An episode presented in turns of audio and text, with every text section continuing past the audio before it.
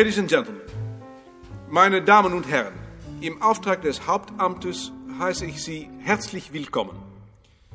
Wir freuen uns sehr, dass Sie hierher gekommen sind, um zusammen Ihre Fachprobleme zu diskutieren. Und wir hoffen, dass Sie sich bei uns zu Hause fühlen werden, soweit das möglich ist. Dazu übergebe ich Ihnen für das weitere Herrn Jaring Elshout. Sie kennen ihn. Er ist meiner Meinung nach der liebenswürdigste Gastgeber, den Sie sich wünschen dürfen. Meinerseits wünsche ich Ihnen viel Vergnügen und vor allem auch guten Erfolg. Dankeschön für die schönen Wörter von meinem Kollegen, Herr Martin Koning.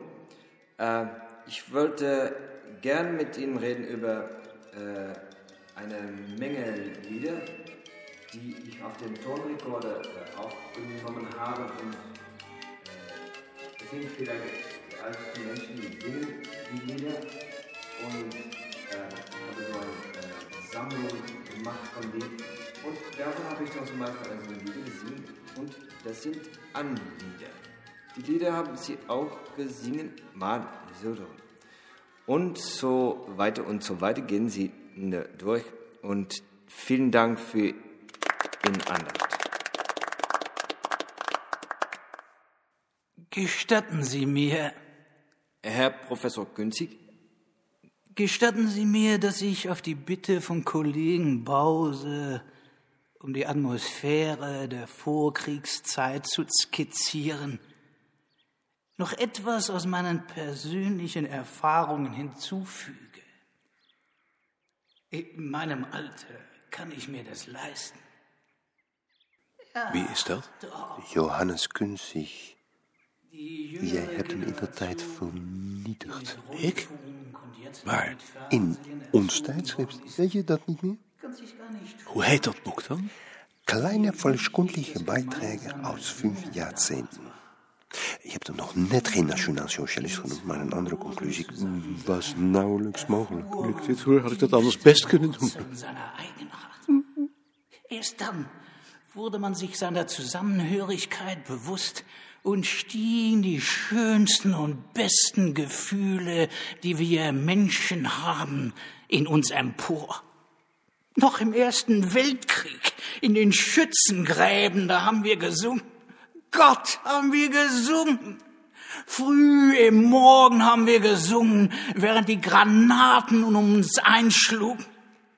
Das war eine Zeit, man kann sich die gar nicht vorstellen, wenn man sie nicht miterlebt hat. Da kannte man noch Kameradschaft.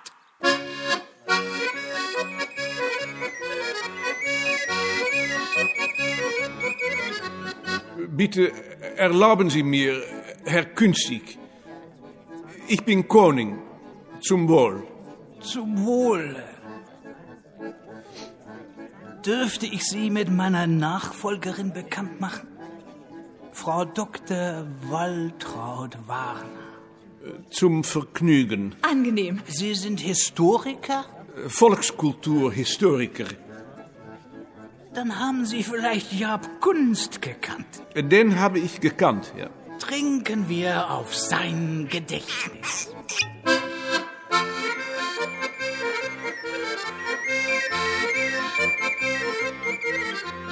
Haben wir uns schon kennengelernt?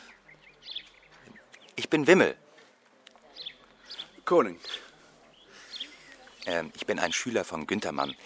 Ich war dabei, als Sie damals in Münster Ihren Vortrag über den Weihnachtsbaum hielten. Ach, Das war sehr anregend. das muss man Deutsch gewesen sein.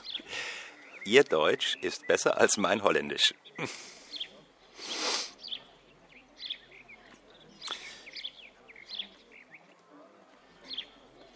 Und jetzt? Jetzt arbeite ich bei Künzig in Freiburg.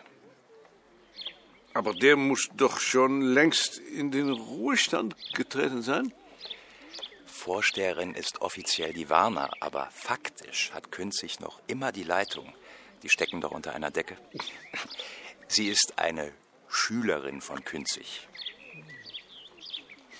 machen wir einen kleinen Spaziergang im Garten? Gerne. Und äh, die Arbeit. Äh, ich, ich meine, was machen Sie dort?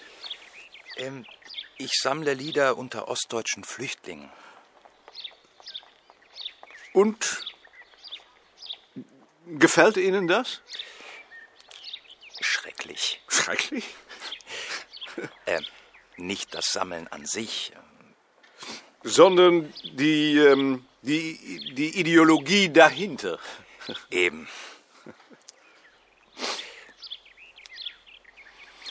Ähm, ich habe Ihre Besprechung seiner Aufsätze gelesen. Sie war erquickend. Hat Künzig Sie auch gelesen? Dann hätte er sicher darüber gesprochen. Äh, ein Freund in Münster hat sie mir zugeschickt. Aber was sollen wir mit diesem Künzig? Die Franzosen hätten ihn im Schützengraben erschießen müssen. Singend. Eine andere Situation wäre kaum denkbar gewesen. Herr Koning, wir fragten uns, ob es hier irgendwo ein Postamt gibt. Sicher? Aber wo? Im Dorf. Und ist das weit? Nicht weit, eine Viertelstunde. Äh, Künzelein, wenn du dich dann noch ein wenig hinlegst. Schau mal da, wenn du dich ein bisschen ausruhst, dann machen wir das. Das kommt schon die Sache. Ich dich ein bisschen hin, entspannt die. Zeit. Ciao. tschüss. Maarten, dit is Helga. Helga Steinbach uit Oostenrijk. Die heb ik op het Volksverhaalcongres in Helsinki leren kennen. Hey, Grüß Gott. Das war doch schön. Das war schon wieder. Ach, alt bin ich wieder hier.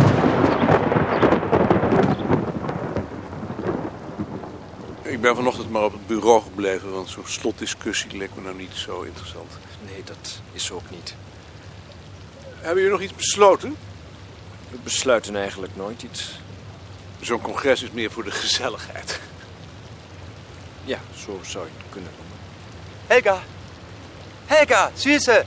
Komm, komm, komm, komm, komm, komm, komm. Komm Ja, was schnell. ist denn jetzt? Mach halt nicht so ein heißer. Ich komm schon, Wimmelchen. We houden het niet droog. Und jetzt müssen wir singen. Ich hab meinen Wagen vollgeladen. Eins, zwei, drei, vier. Hab meinen Wagen vollgeladen, voll mit alten Weibern. Als wir in die Stadt kamen, hob sie an zu keifen. Drum lad ich all mein Leben Tage, nie alte Weibsen auf mein Wagen. Hi, Schimmel, hi.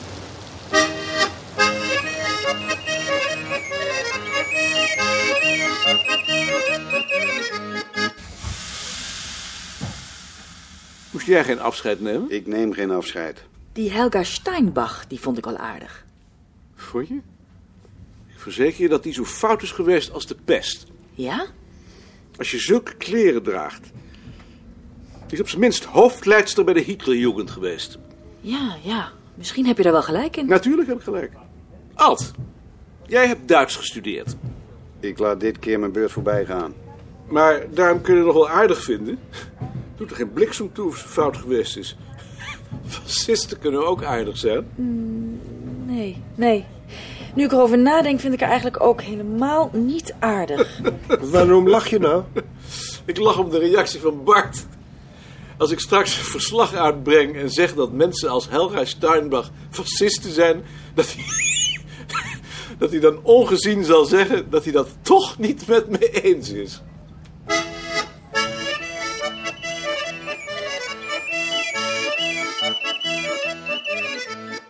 Bart, je hebt bezwaar tegen mijn bespreking van het boek van Helene Grun, Ja, daar heb ik ernstig bezwaar tegen. omdat ik schrijf dat ze nationaal socialiste is. Ik vind inderdaad dat je dat niet van iemand mag schrijven. En als ze dat nou is, Dan mag je dat nog niet schrijven, want dat is persoonlijk. Ein fauler Kamerad muss ausgemerzt werden. Das entspricht einem Naturgesetz. Denn ein Fauler hindert die ganze Arbeitspartie an der Erreichung ihres Zieles, des Glückwerdens in der Pflicht. Der Faule wird aber nicht nur verhängnisvoll für den Kameraden, sondern auch zur Gefährdung des Betriebes. Damit werden Grundfesten des Denkens der arbeitenden Menschen erschüttert. Solche politisches Denken muss einfach beseitigt werden durch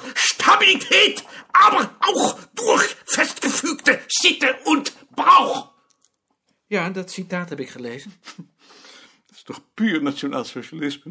Ik vind het een akelig citaat. Maar ik mag het niet citeren. Je mag het wel citeren, maar je mag er niet bij zetten dat het nationaal socialistisch is. Dat begrijp ik niet. Nou, dan moet je het van een communist ook zeggen, want communisme is even erg als nationaal socialisme. Als ik denk dat ik hem daarmee treffen kan, zou ik dat zeker doen. Gesteld natuurlijk dat zijn boek daar aanleiding toe geeft. Je moet me niet kwalijk nemen, maar dat vind ik dan geen wetenschap. Wetenschap bestaat niet. En ik vind bovendien dat dergelijke holle frazen niet in ons tijdschrift thuis horen. Iedereen heeft zijn eigen motieven en als hij die verbergt in de wetenschap, vind ik het nodig om ze in mijn bespreking weer aan het licht te brengen. Dat vind ik dan beneden peil. Ik vind dat dominee-achtig. Dat beschouw ik als een compliment. Ik vind het niet erg om een dominee genoemd te worden. En ik vind het ook onwaardig. Goed. Ik begrijp toch niet waarom jij zo rancuneus bent tegen nationaal socialisten. In de familie van Marion, die een grote rol in het verzet heeft gespeeld, hebben ze die rancune helemaal niet. Dat is een kwestie van temperament. En, en Marion heeft het ook niet. Ik heb behoefte aan duidelijke mensen en ik ben agressief tegen mensen die de zaak in mijn ogen verliegen. Daar zou ik dan toch maar eens mee naar een psychiater gaan. Het zal inderdaad wel met mijn vader te maken hebben. Dat is dan voor mij het bewijs dat je een onrijp mens bent. Ik zeg nog wel dat het met mijn vader te maken heeft, maar het is waarschijnlijker dat ik zelf een gefrustreerde nazi ben. Eigenlijk vind ik het natuurlijk prachtig wat zo'n Helene Grun wil. Een Führer, een hechte gemeenschap, orde, kracht, dienen. Ik wreek me alleen op mensen die dat ook prachtig vinden, maar zo stom zijn ze in de manier waarop ze dat uiten kwetsbaar te maken. Maar dat heeft natuurlijk ook weer met de verhouding tot mijn vader te maken.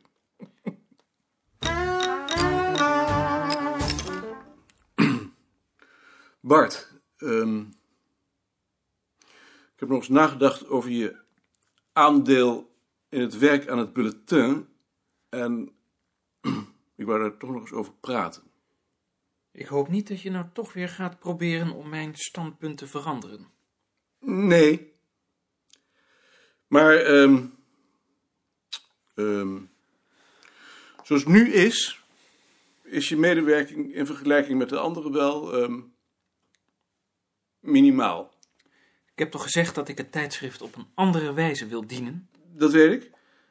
En de reden is dat je er bezwaar tegen hebt om je besprekingen te ondertekenen. Dat is één van de redenen. Maar toch wel een belangrijke reden. Ja. Ehm, als jij nou eens het overzicht van de tijdschriften voor je rekening neemt. Op het ogenblik controleer je alleen de aankondigingen van Tjitske.